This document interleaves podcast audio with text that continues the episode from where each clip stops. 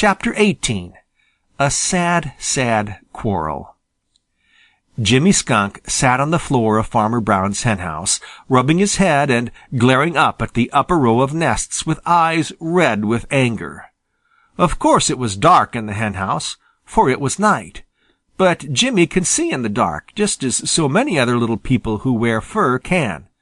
What he saw was the anxious-looking face of Unc' Billy Possum staring down at him. "You did that purposely," snapped Jimmy. "You did that purposely, and you needn't tell me you didn't." "On my honor I didn't," protested Unc' Billy. "It was an accident, just a sho' enough accident, and I'm right sorry for it." "That sounds very nice, but I don't believe a word of it. You did it purposely, and you can't make me believe anything else. You come down here and fight. I dare you to." Jimmy was getting more and more angry every minute. Unc' Billy began to grow angry. Of course, it was wholly his fault that that egg had fallen, but it wasn't his fault that Jimmy had happened to be just underneath. He hadn't known that Jimmy was there. He had apologized, and he felt that no one could do more than that.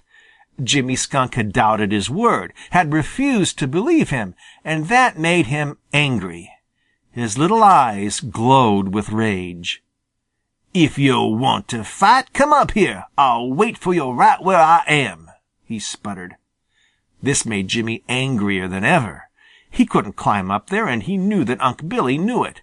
Unc' Billy was perfectly safe in promising to wait for him. "You're a coward, just a plain no account coward," snapped Jimmy. "I'm not going to climb up there, but I'll tell you what I'm going to do.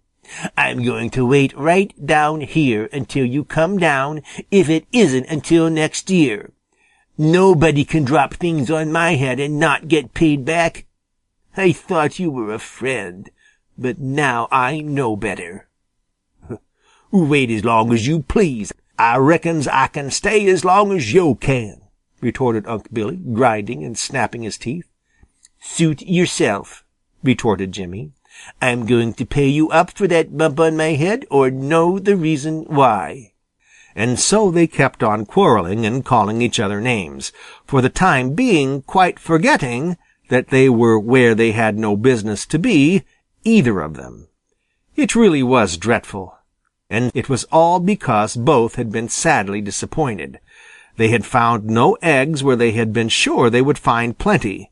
You see, Farmer Brown's boy had gathered every egg when he shut the biddies up for the night. Did you ever notice what a bad thing for the temper disappointment often is? End of chapter 18